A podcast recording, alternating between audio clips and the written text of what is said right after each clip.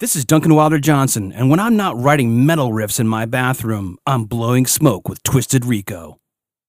If you haven't heard about Anchor, it's the easiest way to make a podcast. Let me explain. It's free. There are creation tools that allow you to record and edit your podcast right from your phone or home computer. Anchor will distribute your podcast for you so it can be heard on Spotify, Apple Podcast, and many more. You can make money from your podcast with no minimum listenership. It's everything you need to make a podcast in one place. Download the free Anchor app or go to anchor.fm to get started.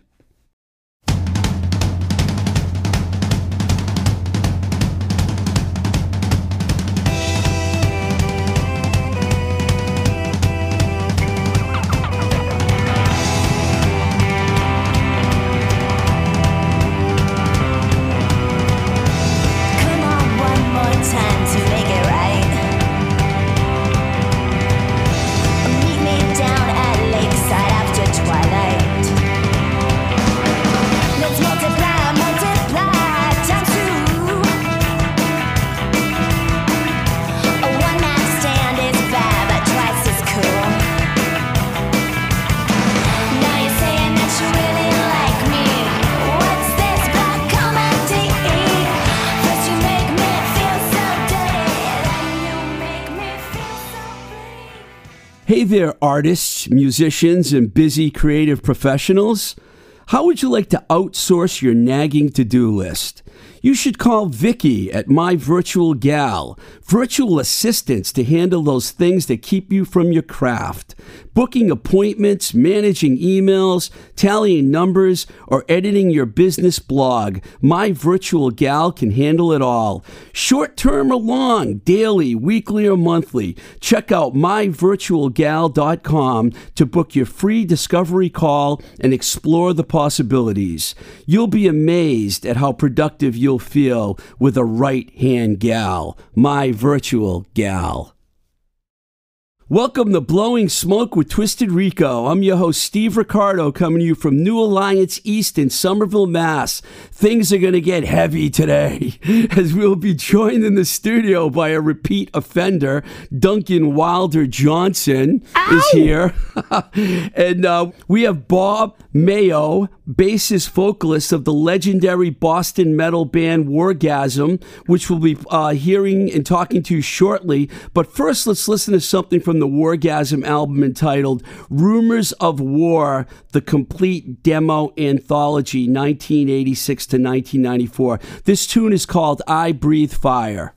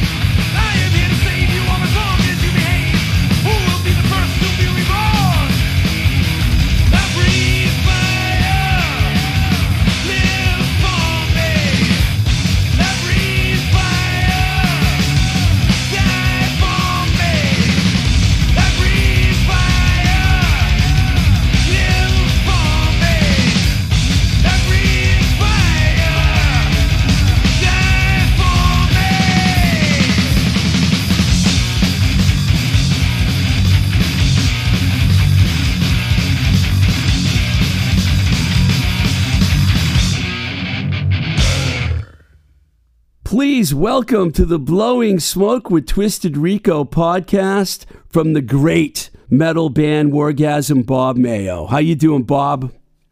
I'm doing great, Steve. Thanks for having me on. I know we tried to do this before and we couldn't get get it together before, so I'm glad that we can do it now. Uh, and I brought Duncan Wilder Johnson in here today because we wanted to make the show as heavy as possible. and Excellent. I, and Duncan told me that Sure. you guys did the uh, Lemmy Metal Fest together, right? The If you- Lemmy Fest, yeah. Yeah, uh, Yeah, uh, go ahead, Bob. Two years back? Two years ago, right? Two years ago. Yeah, because we didn't have one last year because there was a global pandemic. I don't know if you heard about that, but yeah, Unfortunately, we have. it's coming back. We'll do we'll we'll we'll, we'll do Lemmy Fest again soon. Yeah, so once we get uh, get going here, we'll let Duncan chime in, and I think he has a couple things I want to he wants to talk to you about. But before we talk about Wargasm, I thought it would be fun to tell everyone how we first met Bob, which is Oh, yeah. really interesting. Um, I was working for labels, and I think it might go all the way back to when I was working for Enigma, and you were the buyer at the eight store chain called Good Vibrations, which was located on the South Shore here in Massachusetts. And I would call you and hype you on records, which you in turn would buy from your distributor, whoever that may be. I don't know if it was important, JEM, Caroline, but we used to have a really good working relationship. And then one day I heard you're in a band. Do you re- you remember our, our phone calls back then, right? I do. I absolutely do. Yeah. Yeah. That was, um, it was a great job because uh, I was exposed to how things work at the indie level back there with record labels and promo. It was a great education. I used to deal with all of the uh, all the labels that you just mentioned and all the distributors that you just mentioned. I was the indie buyer and the import buyer for that for Good Vibrations. And you were good at your job too, because I remember you always helped me out when I needed help. And it's kind of funny that we're going to talk about how your band didn't really get any help from the label that you were on, and because they weren't doing what I was doing, right? Basically, they weren't calling people and saying, "Hey, we got Wargasm." No, you know what? We did all that ourselves, and we can get into that later too. Yeah. we did that ourselves. And you know, you can't trick somebody that knows how the game works. And you basically knew how the game worked with retail and everything. And so when it didn't happen, you probably you were like, I, I've got your liner notes here, which are absolutely fabulous, which we'll get to in a couple of minutes. So let's start here. Um, what was the Boston metal scene like around 1985, 86 when, along with um, Rich and Barry Spielberg, you guys started Wargasm? Um, what was the scene like as you guys were coming into the scene? Well, when we when we started to actually play gigs and to get booked in Boston, uh, the scene was it was very commercial and glam metal. There was really only one real metal band, and that was Steel Assassin. And uh, they were from the next. We're from Stoughton on the South Shore, and those guys are all from the Brockton area. And uh, they had demos out. They were playing big shows down here in theaters on the South Shore, and they were they were playing uh, wherever there was to play as an opening act in the early '80s in Boston. And those guys, I guess, if you haven't heard them, number one, you should. Um, number two, they sound like a cross, sort of between Judas Priest and Iron Maiden, I guess you could say. I do remember Steel Assassin. They were pretty popular around here. Even though I was in California, I wor- I did a lot of A and R when I worked for Enigma, so I was able to keep track of. Uh, then I went to Roadrunner, so keeping track of the regional metal bands was kind of important. So I do remember that band. So those guys, you saw them, and that made you guys feel like you should start something up. Well, Rich and Barry were actually part of their quote unquote road crew back then. They used to tech for nice. and uh, they were huge inspirations on those on the on the Spielberg. So that was the impetus on their end to start a band. Uh, but the scene in town, as far as as metal goes, metal metal, it was just Steel Assassin and a bunch of. Uh, it was pre-hair, but it was really kind of hair metal-y, commercial metal, pop metal kind of stuff, real mainstream stuff. So when we started to play, and we we were obviously started out as an opening band we were playing with all these commercial bands and it, it was pretty tough because we were anything but commercial. We were we were thrash, I guess you could say, um, safely say back then. And Yeah, you there were. really wasn't there wasn't much happening back then in, in 85 and 86 there wasn't really much if any thrash happening at that point. And when we came out we were actually called maniac back then. Uh, we really there were no bills for us to really fit well on at that point. It took another year for a real underground scene to start to develop in the city for us to actually for the nationals to start to come through at the club level. And that's when we really started to get on bills that we fit on and that really benefited us That's this is a good segue because when I talked about Wargasm back on episode 53, when the pandemic was so hot people weren't leaving their houses, not that it's too much better. We documented the band's rise and how you guys were opening for all the big touring bands around that time. You guys opened for Slayer, Megadeth, Fates Warning, Nuclear Assault, Anthrax. Those are just the ones I wrote down. What's your recollection of that period and playing those shows cuz you guys were getting on some really good bills. that was an amazing time because um, you know we it, we got to make the leap from playing with real commercial bands that that really didn't do anything for us. They were the the cross section of the audiences were at that point probably- probably fifty percent male, fifty percent female, and the guys were just at those shows to try to get laid, and the girls were at the shows because they thought the guys on stage were cute, and we had nothing to do with that scene at all. Absolutely nothing. And they wanted nothing to do with us either. So those were that was a tough year.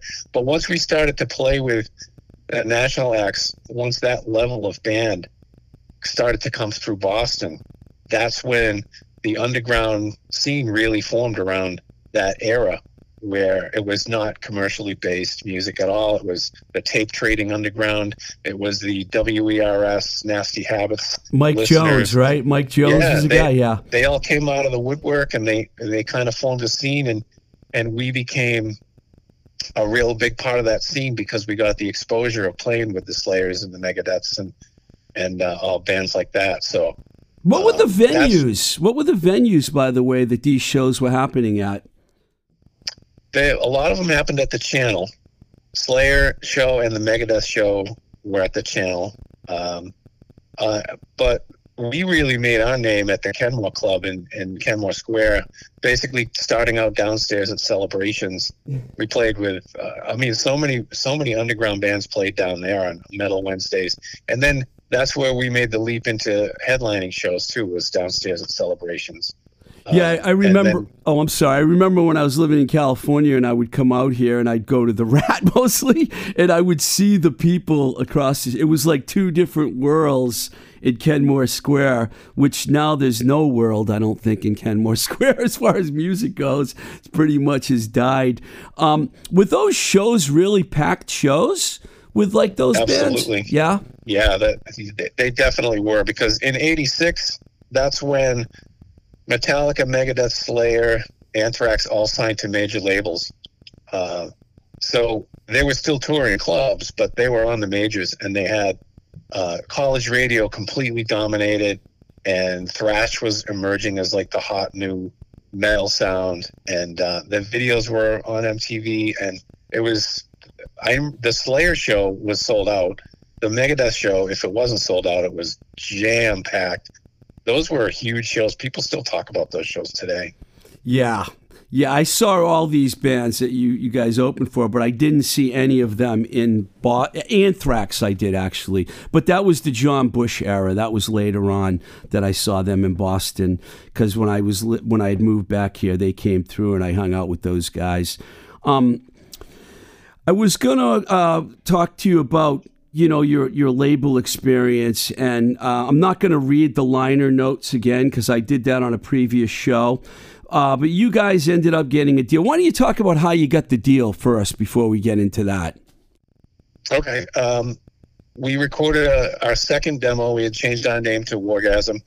And at the end of 86, we recorded our second demo tape called Satan Stole My Lunch Money.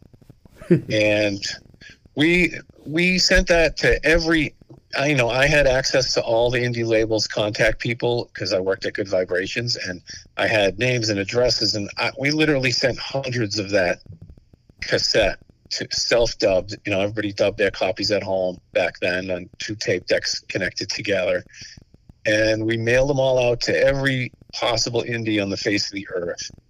And we did get five or six different offers ultimately, and one of them coincidentally was Shadow Records, which um, Monte Conner Mm-hmm. worked for back in the day, and they made us an offer, which we passed on uh, because they had they were a startup and they didn't have a lot of money. The uh, budgets they, they talked about were really kind of non-existent, and it you know for people who don't know Monte, he went on to Roadrunner Yes, to run. Roadrunner, and now he's the president of Nuclear Blast, the biggest metal label on the planet. So if that guy liked us, then that that says a lot, I think. Um, so the one we took, we we went down to L'Amour in Brooklyn for a Megadeth show, and Rich bought he brought a box of our demo tape, probably twenty five copies, and he walked through the crowd and just handed them out to people. That's cool. You go, free tape, free tape, free tape. And about a week later, we got a call from Profile Records. And you know, when we were talking about their offer, the president of Rock Hotel, which was an affiliate of Profile, and it was Chris Williamson's label. He was a major promoter in the city in, in New York. Um, he said that he heard the tape in his office a lot because some of the people that worked in his office played the tape at work because they loved it. And he, he asked him where they got the tape, and he said, "Well, you know, this kid was handing them out at the Megadeth show last week." And so Chris thought, if my the kids in my office who work here love this tape, I better give it a listen. So he listened to it, and he made us an offer. Um, it turned out to be the best offer that we received, ironically, because it was probably in the end the worst move we could have made. Um, we didn't know that that Chris's agreement with Profile was due to expire, and that he had planned to re-up with Profile, but the timing was really bad because Profile had just had a number one record with Run DMC Yeah. and I, I Bill, Billboard number one, and I think it was the Tougher Than Leather album. And the Profile's philosophy at the time was we just had a number one record with no radio, no video, no touring. We didn't have to spend a penny on this band, and we got a number one. So, rap is our thing now, and we don't need these metal bands. We don't need Chris Williamson and his Rock Hotel label anymore we're really not sure what to do with any of these bands. They keep asking us for tour support and promo, and we didn't have to do that for Run DMC, so why should we do it for these little unknown metal bands? So we basically ended up in a box under the bed, completely forgotten. the album came out almost 13 months later than it was originally scheduled to come out because they just could not be bothered. And Chris, the entire time, Chris Williamson was trying to make a deal with them or trying to find another label that he could hook up with. And it looked like maybe EMI was a possibility for a while, that he might have a deal with them. But then again, we kind of thought he was just telling us this stuff, so we would just hang on and hang in there. Uh, yeah, something's right around the corner. I got to, I'm talking to EMI, stuff like that. But in the end, it came out, Profile put it out, probably just to get it off their plate. They did zero promo. There was one full page magazine ad in Rip Magazine and one, and that was all we ever saw. They didn't do any radio promo at all. Zero. And the record was getting reviewed really, really well, but they didn't care. The record was number four on the CMJ College Music Journal radio charts under Anthrax, Metallica, Ozzy, Wargasm. For You know, about six weeks. I do remember that because I was at Giant Records at the time and I had this band INC. Uh, they were my only metal band. They were a thrash band from Connecticut, and the rest were all punk bands. But they did really good on the college charts, and I do remember seeing Wargasm. It was around 87, we're talking, right? Basically, Yes. 87, 88, yeah. Um, yeah, you. Um, you basically told the story in the kindest possible way that you could have told it on the reissue of Why Play Around. Um, but the part that I was curious about is you asked them to drop you from the label, but that ended up taking a while too, didn't it? A while, yeah, a while is an understatement. Uh, five years. Five years? Five years. Yep, five years. So, um, we Wow. just getting getting back to the promo piece a little bit. Rich was the one, the one person who sat down from nine to five for a couple of weeks and called. He had a CMJ open in front of him, and he called every single metal show on college radio in the country, and got to know all the the DJs and. We made sure they had copies of the record, and he made friends with everybody and had good relationships with everyone he spoke to. Did on-air interviews, and that is how the record got to number four on CMJ. It was added to to every playlist across the country because Rich picked up the phone because Profile wouldn't. So we knew that a they weren't going to do a thing, and b if anything was going to happen with this record, it was going to be because of us. So they they had no tour support, they had no budgets, they had nothing because because Chris was basically unattached. Who is the distributor? I I don't even know. The reason I ask is because you were still a, you were still at Good Vibrations at this time, right? Yes. Were you able to buy the record and put it in the good? Yeah. Yeah. When it finally was released by them, we got it, and you know it. It, I remember the day all three of us worked at Good Vibes. At the my office was at the warehouse, and Rich and Barry both worked in the warehouse as well. And I remember the day it came in. They they called us all down. and We opened the boxes and pulled them out, and it was it was really cool. And we at that time we had real high hopes for what was going to happen, and you know, little did we know it was very much nothing because it was reviewed really well all over the world, but reviews don't get you on the road, you know, and reviews don't get you uh, momentum in your career so you can do a second and build on that and then a third and build on that. None of that happened. So we decided we were going to wait the term of the contract for the second album out. And then when they eventually called us up and said, okay, your next record's due, you're under contract for album number two, we were going to say no and go to court. But it turns out that they cared so little about us as a band, they never called us up and Uh. exercised their option. They just never did.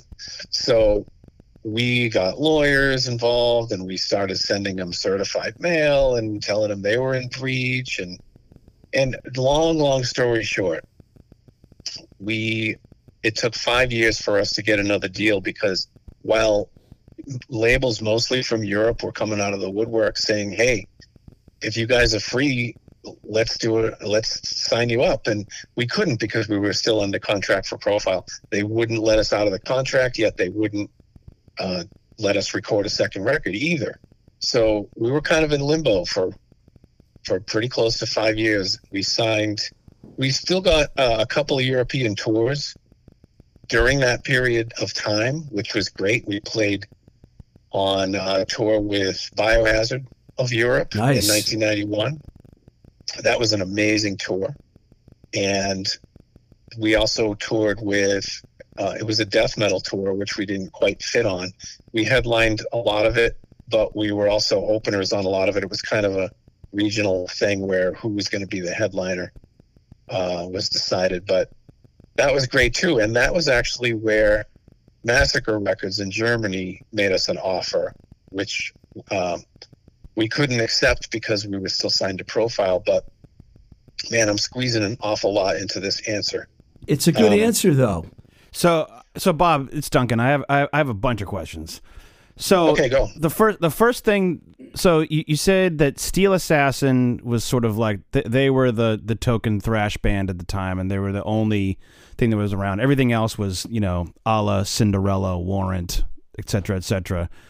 What was the like? How was the like? How did you meet the Spielbergs and say like maybe we should try and do something? And and when you did that, were you kind of sitting there going like, well, I kind of think it's kind of like Slayer, like like thrashy, like like Exodus, like w- w- was that already kind of in your brain, or am I totally off?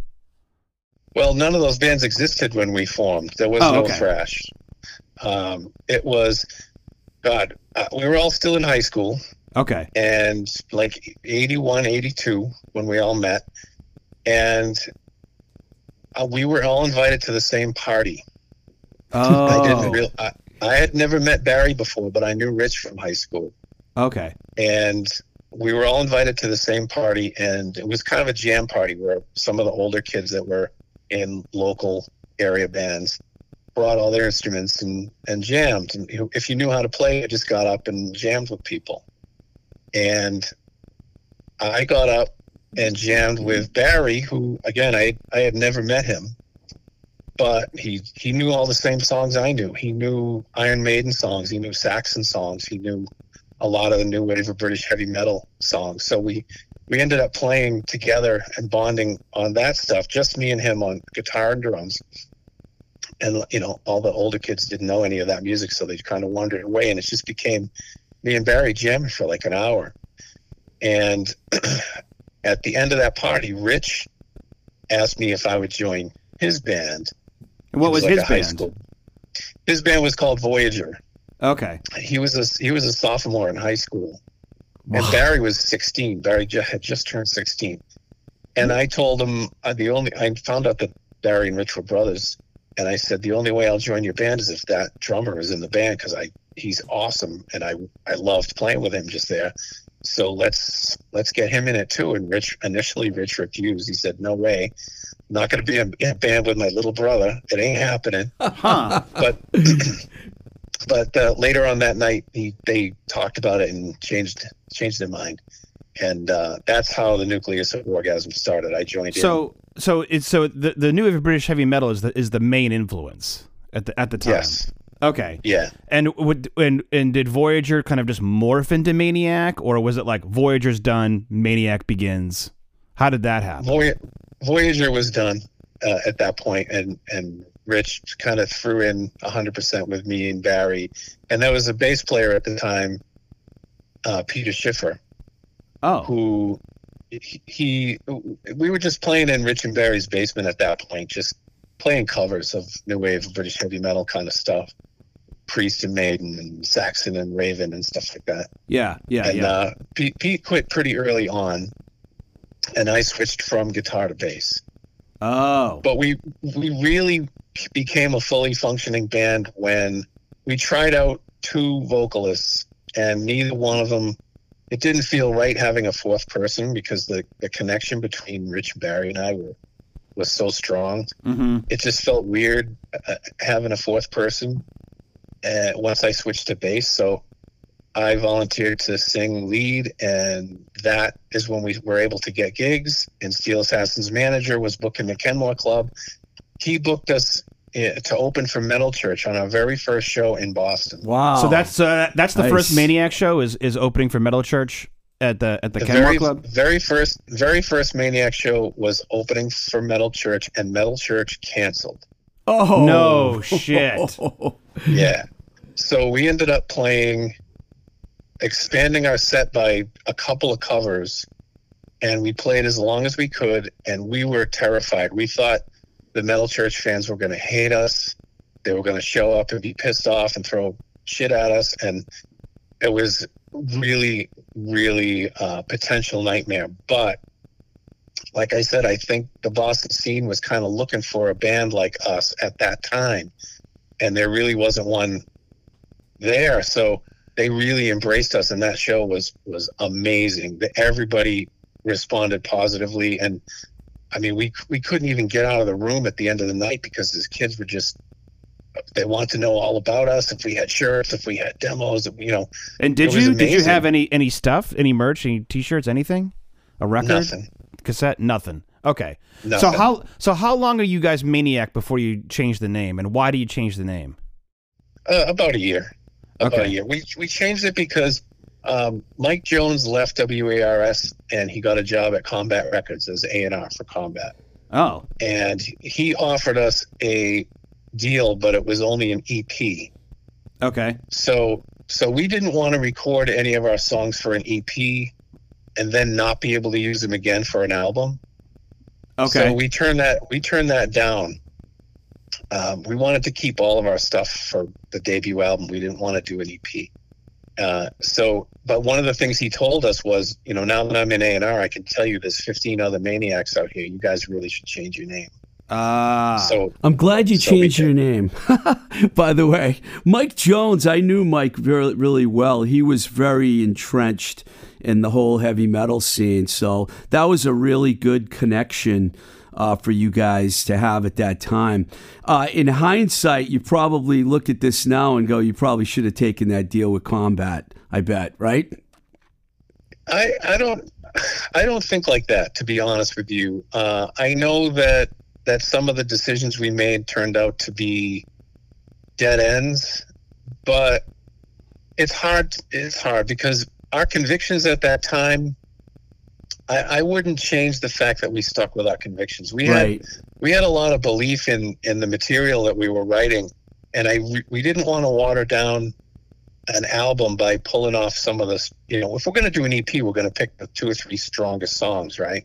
So then we didn't want to have to re-record them or or leave them off of our debut. That you know what what how would that be smart taking your best songs and not putting them on your debut album so i, I that decision i wouldn't have changed that decision and the other thing that happened that was odd at the time was um, Metal Blade asked us to be on Metal Massacre Volume 8, I think it was.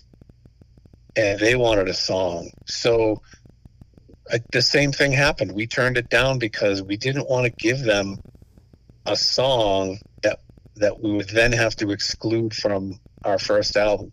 Now, 30 years later, do I look back at that and say, hey, maybe we should have done it differently? Yeah. maybe maybe but um our first album why play around if i can say this myself it's kind of considered an underground thrash classic Yes, it is. and, I'd agree with that. and i and if we had done both of those things differently that would have been like four songs from that record would not be on that record and then then what would have happened I- you know i don't know how strong that record would have been without those songs By the So- way, uh, Nick Nick Z, who you can't hear, just yelled in our headset, "It's a perfect record."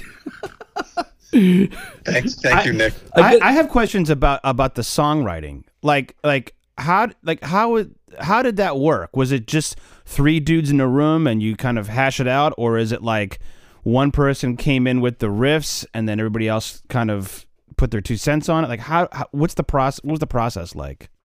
It was three dudes in a room. Yeah.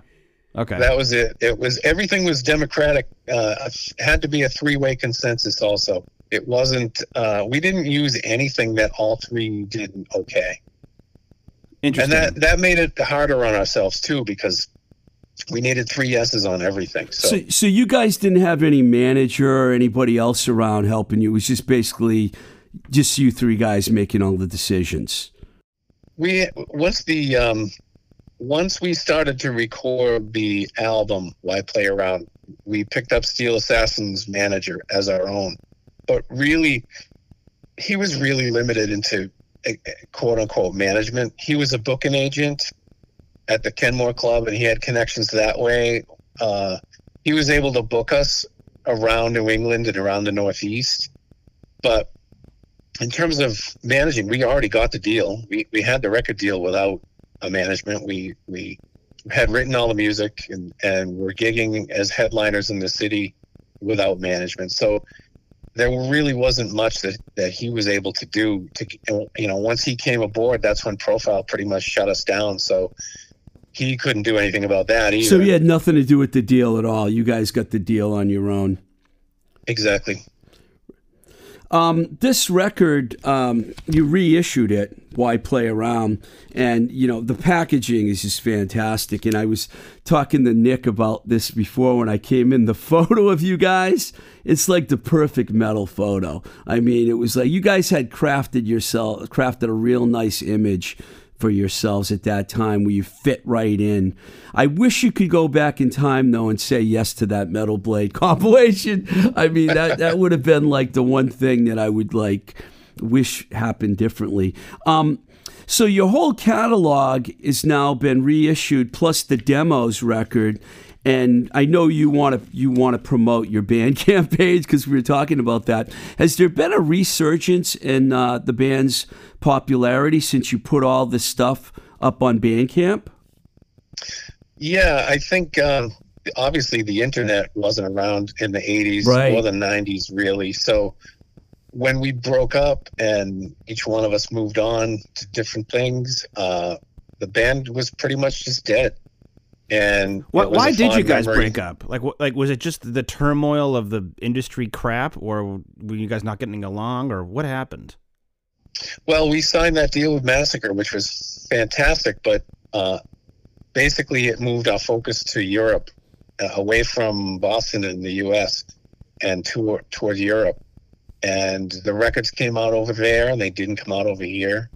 Uh, we Okay, did a a video. Uh, the video didn't get played over here, but it was played a lot over there. We toured over there, and we didn't get a chance to tour over here. So our main focus shifted to Europe um, at that point pro- from the second deal with Massacre onwards.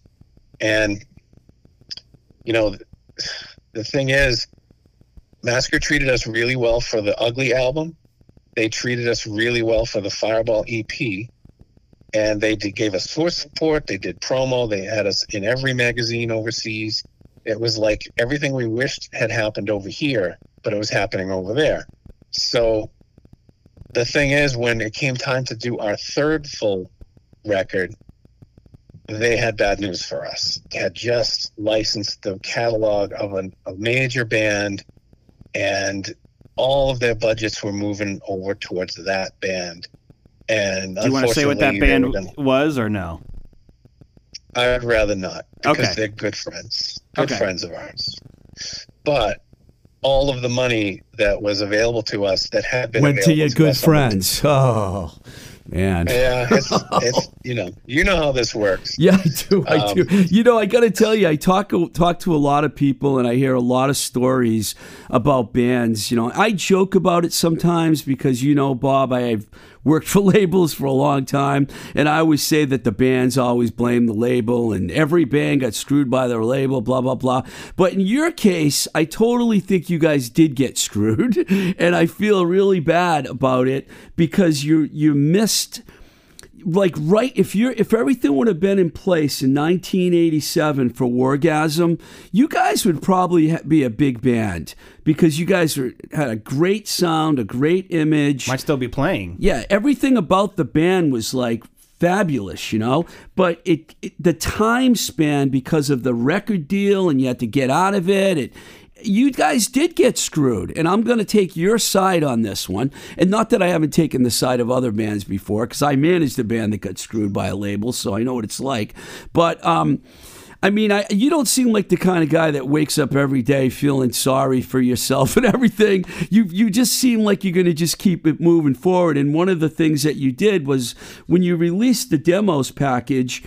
Um, you know, because I played, we just played I Breathe Fire a little while ago. I listened to that whole thing on Bandcamp, and that's the song that just came right out and just like, it was like, it's like Wasteland, you know, it's like, just slams you right in the face.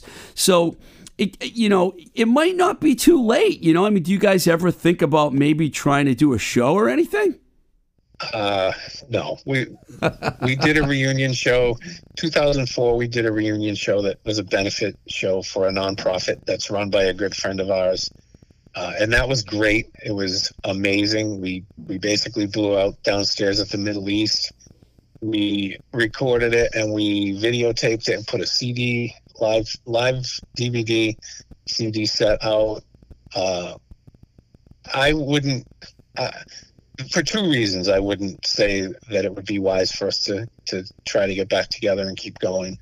Um, all three of our lives have completely moved on from that, and you know we've all got families and we've all got careers. The thing about Rich specifically is he lives in Manhattan now, and he's he's worked for Josh Groban on and off for maybe ten years at this point, and He got famous. well, yeah, and and the thing mm-hmm. is, if if he's going to dedicate the time and the effort to really do this right, it's he's going to be walking away from that career and that paycheck. And the only way that I think anybody with half a brain would do that is if they're going to make it up on the other side, and I, I don't see that happening at all. Yeah, it's kind of That's understandable. It's similar to some other bands in Boston that that has happened to. Like Yeah. Jesse Peretz from the Lemonheads became a director, and the dude from uh, um, Stompbox. uh, He's out in California. Eric Thaler. Yeah, not Eric, but the guitar player from that band. Jeff ended Turlick. Yeah, not. I'm sorry, Patrick Decon. Decon. Decon. I was thinking. Oh. By the way, speaking of Decon, Bob, didn't you like play with Decon for a little while? Yeah, the, I, I was at the beginning of that band. Uh, it was John Swihart. Swihart. It He's the one that's in California that's doing all these films and everything. So like like you're like rich, you know. They went on to other Yeah. careers. But what was your the, tell us about the decon thing cuz I had Eric on and I'm curious to hear how that went for you. Well, after we broke up, um, you know, people started making inquiries about what we might want to do next. You, you know, you want to jam, you want to join this band, you want to join that band. And uh, I was working in Allston at the time, and John lived in Allston. So John came by and asked me, Hey, we're putting something together, and do you want to be part of it? And I jumped at it because I know John from when he was in a band called Grip. And he's a amazing musician Yes. and a great guy. And obviously, though everybody knew about Stompbox, and Eric Thaler was was someone who I jumped the chance to work with. And Rob Lohr was a guitar player, and and he had been at a bunch of bands in the city before. And he was he worked at Mr. Music, and he's just a funny guy. And and I I really really uh, value the time that I spent with those guys. It was a lot of fun. Um, I, I'm sorry to the drummer if he's listening to this. I don't recall his name, and he does. As far as I know, he didn't really have much of a history in the city, so I'm just not sure. Um, I don't remember his name. I apologize. I don't either. and I don't I don't have it in front of me. Sorry. Well, what the, happened? tra- the tragic thing about that band was we recorded at WERS as part of somebody's um, school project. We recorded like three or four songs, and the DAT, the DAT that that emerged from that session got lost. Whoa. Oh man. So nobody's ever heard that, and it, that really bugs me because it, the stuff that John wrote and the way that uh, Eric put the vocals on top of it was really interesting and a lot of fun to play. And that's just tragic that that that tape has not survived. That would be awesome. I, I saw would. I actually, uh, that's how I got to know Eric. Sorry, I didn't mean to interrupt you. That's how I got to know Eric. He got in touch with me one day when I moved back to Boston, and uh, he asked me if I could help him book shows, you know? And I booked some shows for them, and I saw the band like three times. Man, I guess this is post Bob Mayo, but they were still like uh, r- unbelievable band. You know, I mean, I never got to see Stompbox, but Eric Thaler, what a, a fantastic, uh, you know, lead singer and a lead. You know, I had to ask you about that because I know that you were. Um, you were in the band for a short while. Um, so when you uh, Duncan's here, you know, and uh, he told me about Lemmy Fest, and we mentioned it a little earlier. What was what was your, Yeah. So I have two things that that, that I want to say. is this about Lemmy Fest? Or one is about Lemmy? Fest and one's about something else. Okay. But but but I gotta I gotta say, Bob.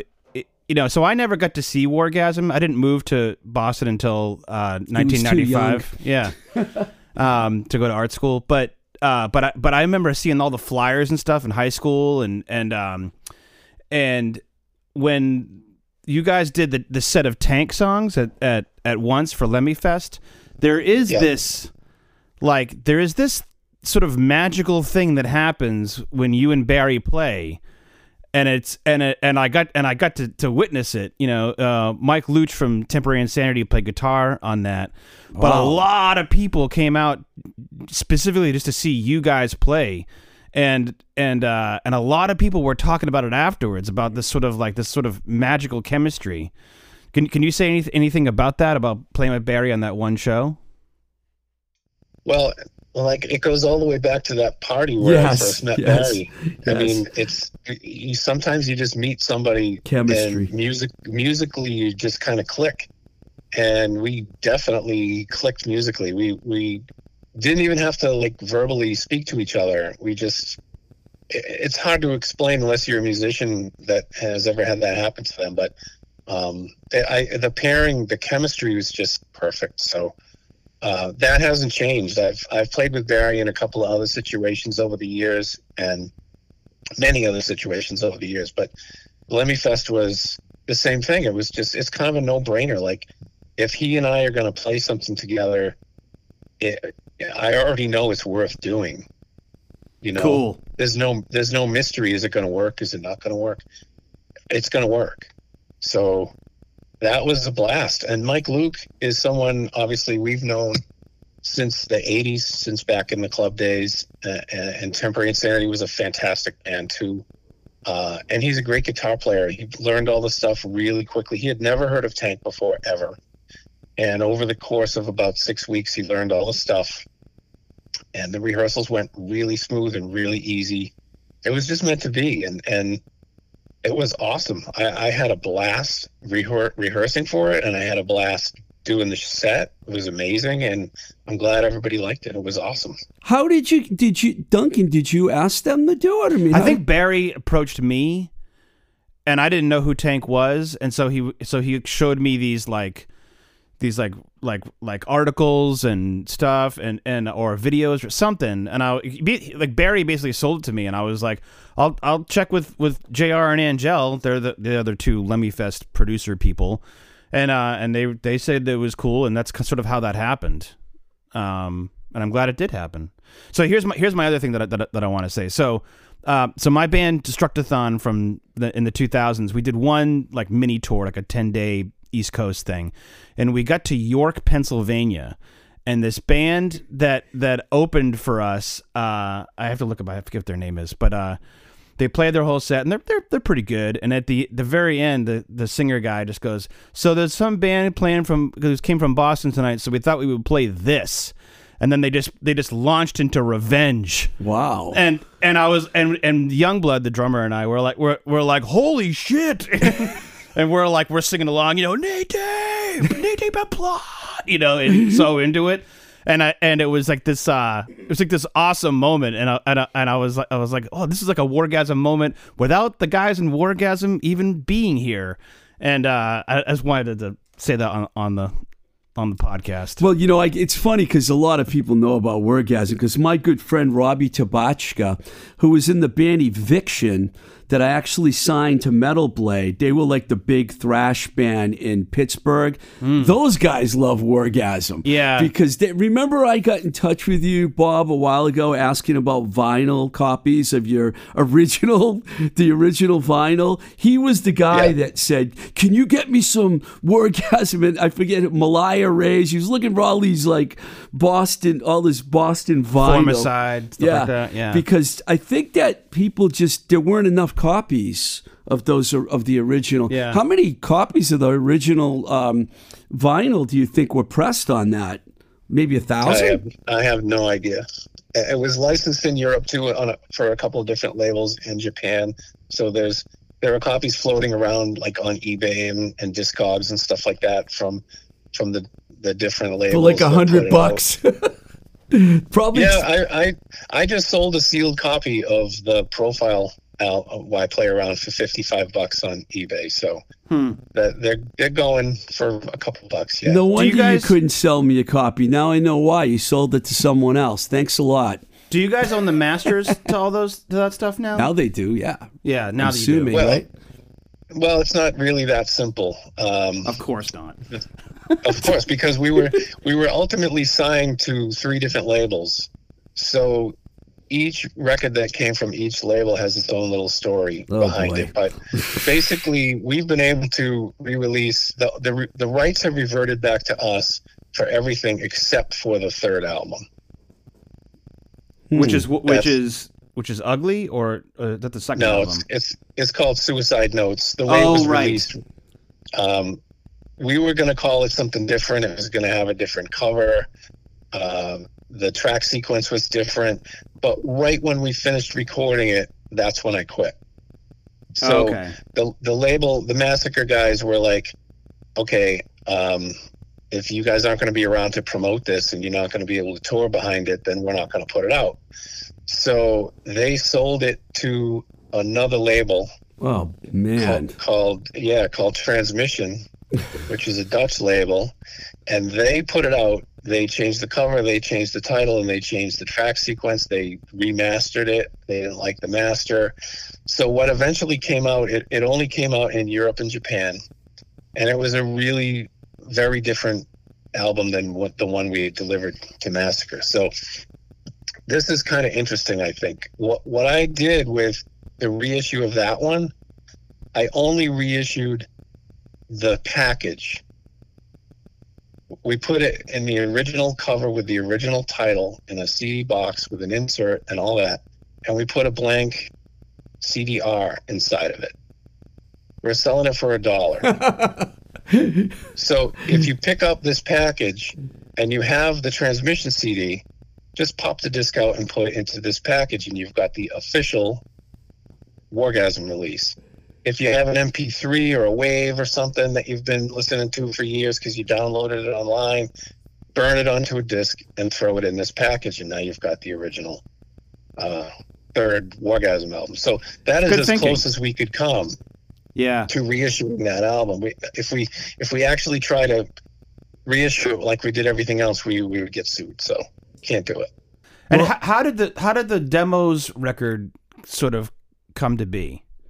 Was that was That that was like I- I mean my I've been working on this for like six or seven years to try to to get the rights back for everything that we have and to put it out the right way to really you know because we're in control of it we can control every single aspect of it from the the mastering to the font that we use for the liner notes and and everything is is under our control now Finally. except for that one record. But the last thing to to release would be the demos because I want everything that we possibly have to be out. So that was the last batch of stuff to put out. So uh, we gathered them all together and transferred them over to digital and put them out. Well, thank you for sounds doing awesome. that. yeah. Thank you for doing that. And Bob, you know what? I I uh, I appreciate you coming on the show and uh, and answering all our questions. And I admired the band so much because your story is really it's kind of heartbreaking, but it's also your attitude is refreshing. you don't come across as like really angry about it, you know. And I think you understand that the music business definitely, you know, it's it's shady, to say the very That's least. That's an understatement. and you ended up having to go through the shadiest parts of uh, of it all. And I want that's why I wanted to get you on the show and um and and tell your story. And thank you very much, man, for coming on. Well, thank you guys. I, I really appreciate all the kind words and and uh, it's great to have an opportunity to talk about it. We we made it through ten years of garbage, and I'm proud of of everything we did within that ten years. And thank you for having the interest in, in talking about it and spreading the word. I appreciate that. Our, my pleasure. Our pleasure, totally, Bob. You take care of yourself, man. I'm sure we'll be talking to each other soon down the road. All right, guys. All right. Take care. Stay Thanks, safe. Bob. All right, that was fantastic. Uh, really good. I'm glad you were here, Duncan, because you asked some really good questions, and I know that you love this band. I could tell by your the vi- the vibe you were putting through. Yeah, I just it's they're one of the quintessential Boston thrash bands, you know, just like just like Bob mentioned, you know, Steel Assassin and Malaya Rage and all that stuff. And I'm unfortunately just a little bit too young to it. To have to have seen that that stuff, you know. Um so it's I can only kind of sort of live vicariously, but I, I love hearing how bands get together and all the little sort of minutia of the of the magic moments. And like I said, when Bob and Barry played that Lemmy Fest thing, I, I, I went, yeah, when they play together, there is like this sort of magic chemistry that that happens. just like the way he said it was the first time they played. I love Yeah. when you said that because he had said that the first time they're at this party, people went in the other room and they're like, "We got to play together." Yeah. And then he had to convince the brothers to to like I both think play that's hilarious that, that they didn't want to play together at first. But thank you very much for coming down, man. And, Yeah, man. Uh, being on the show today. Um, uh, also, I want to thank Nick Z for the great engineering job as usual. And I'm asking you folks to please check out the Patreon page at patreon.com forward slash twisted rico. If you want to like support the podcast, we have a lot of people supporting it and I appreciate it. It helps pay the bills and I definitely, we need it. And if you want to reach out to me, you can reach out to me at twistedrico at gmail.com, at twistedrico on Instagram. There's also a Blowing Smoke Instagram page at Blowing Smoke with TR. There's also a Facebook, Twitter, blah, blah, blah. We're everywhere. So uh, till the next time we say goodbye, this is Blowing Smoke with Twisted Rico. I'm your host, Steve Ricardo. Keep the rock and roll alive.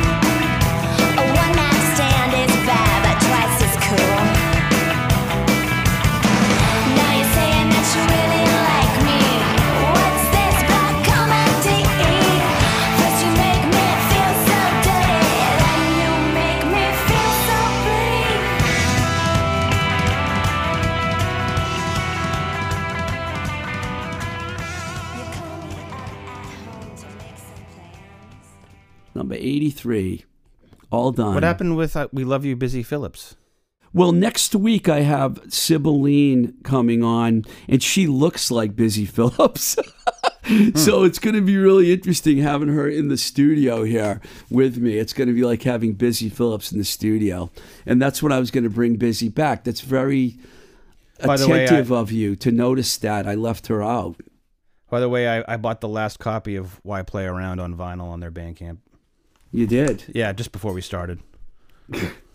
I was I was like, oh, there's one copy left. He's going to see that and he's going to be like, wow, man.